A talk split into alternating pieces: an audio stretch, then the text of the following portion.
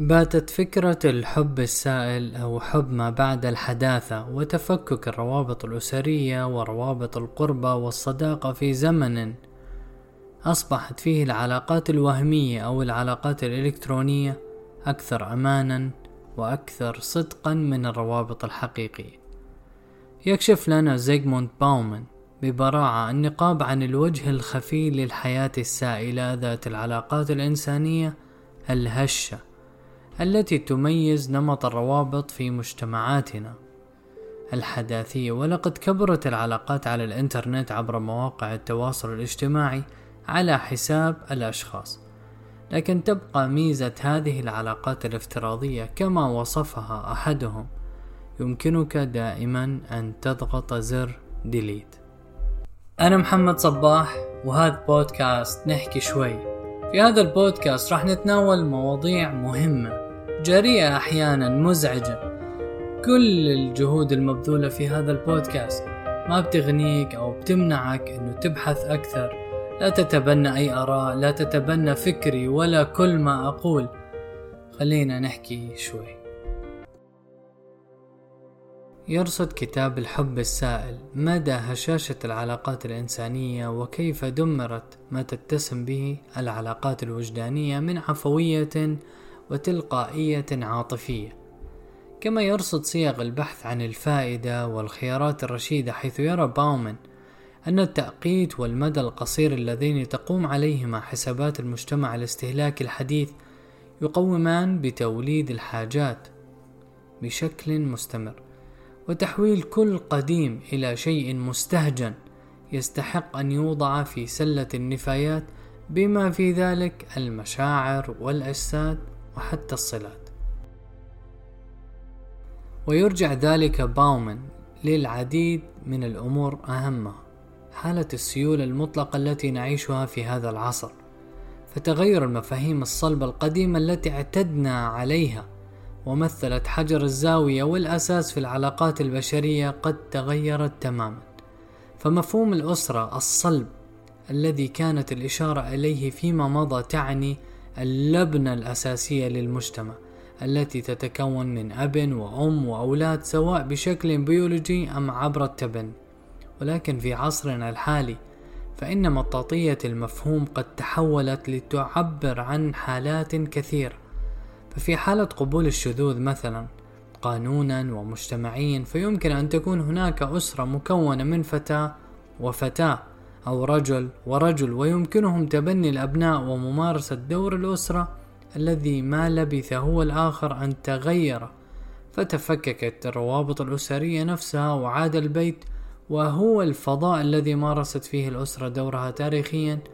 ليس سوى فضاء توجد فيه الكثير من الفواصل بين الأفراد الذين يعيشونه وقد دلل باومن على ذلك على مثال أن الشوق للعودة للمنزل في حالة سفر لا تعني تماما الشوق للأسرة فقد يذهب الفرد مباشرة لغرفته والتي تصبح كينونة منفردة ضمن الكينونات العديدة.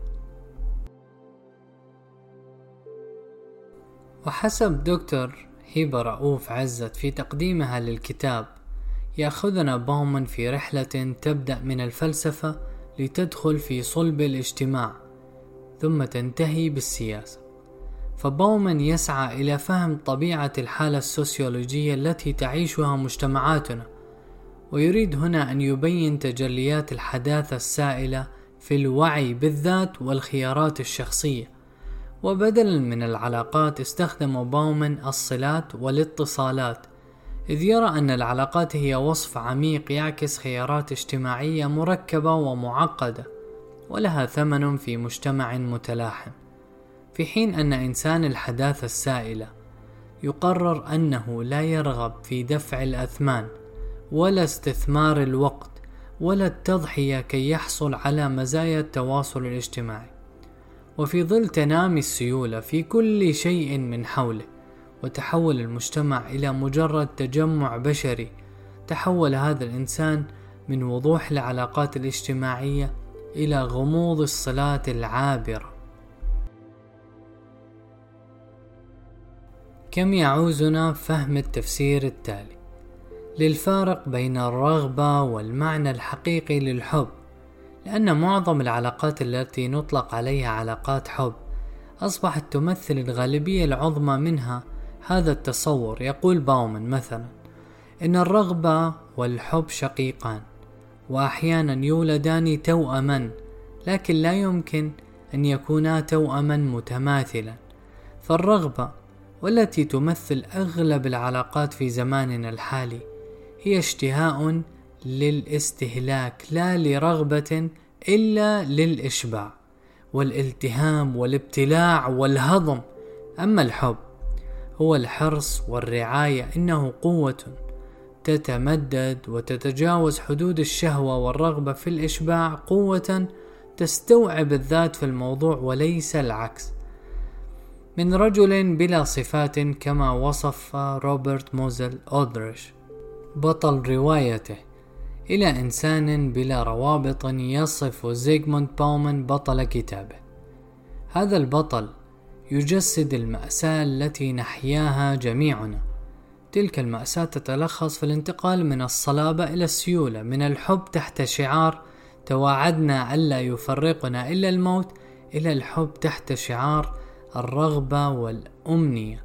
من الجنس المرتبط بالتكاثر لإنتاج الأفراد وبناء المجتمع إلى الجنس المنفصل عن التكاثر الهادف لإشباع الرغبة فقط. من العلاقات التراحمية إلى العلاقات التعاقدية من جلسات السمر العائلية إلى جلسات الشات اللا عائلية من الاقتصاد الأخلاقي الذي يعتمد على حد الكفاف وكفالة الآخرين إلى اقتصاد العولمة القائم على العزلة والانفراد من قيمة الكرامة الإنسانية إلى قيمة البقاء حتى لو أهينت الكرامة.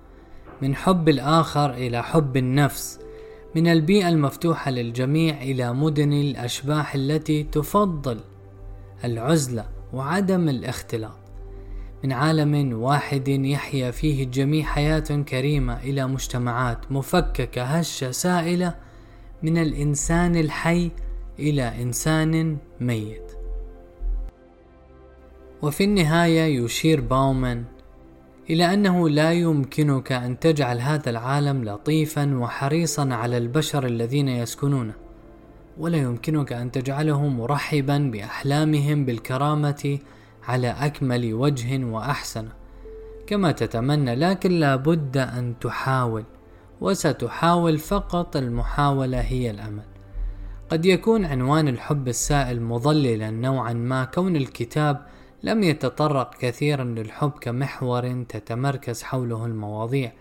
بقدر ما وظف هذا الحب السائل للتدليل على هشاشة الروابط الإنسانية اليوم وتعميقها لتمز لتمزق العلاقات الإنسانية التي تنسحب على الحب مثلما تنسحب على غيره من أنماط التفاعل الإنساني التي بدأت تتحول نحو أنماط أكثر افتراضية تعززها طبيعية تغلغل العلاقات المبنية على التقدم التكنولوجي المشكل لنمط جديد من علاقات أكثر هشاشة.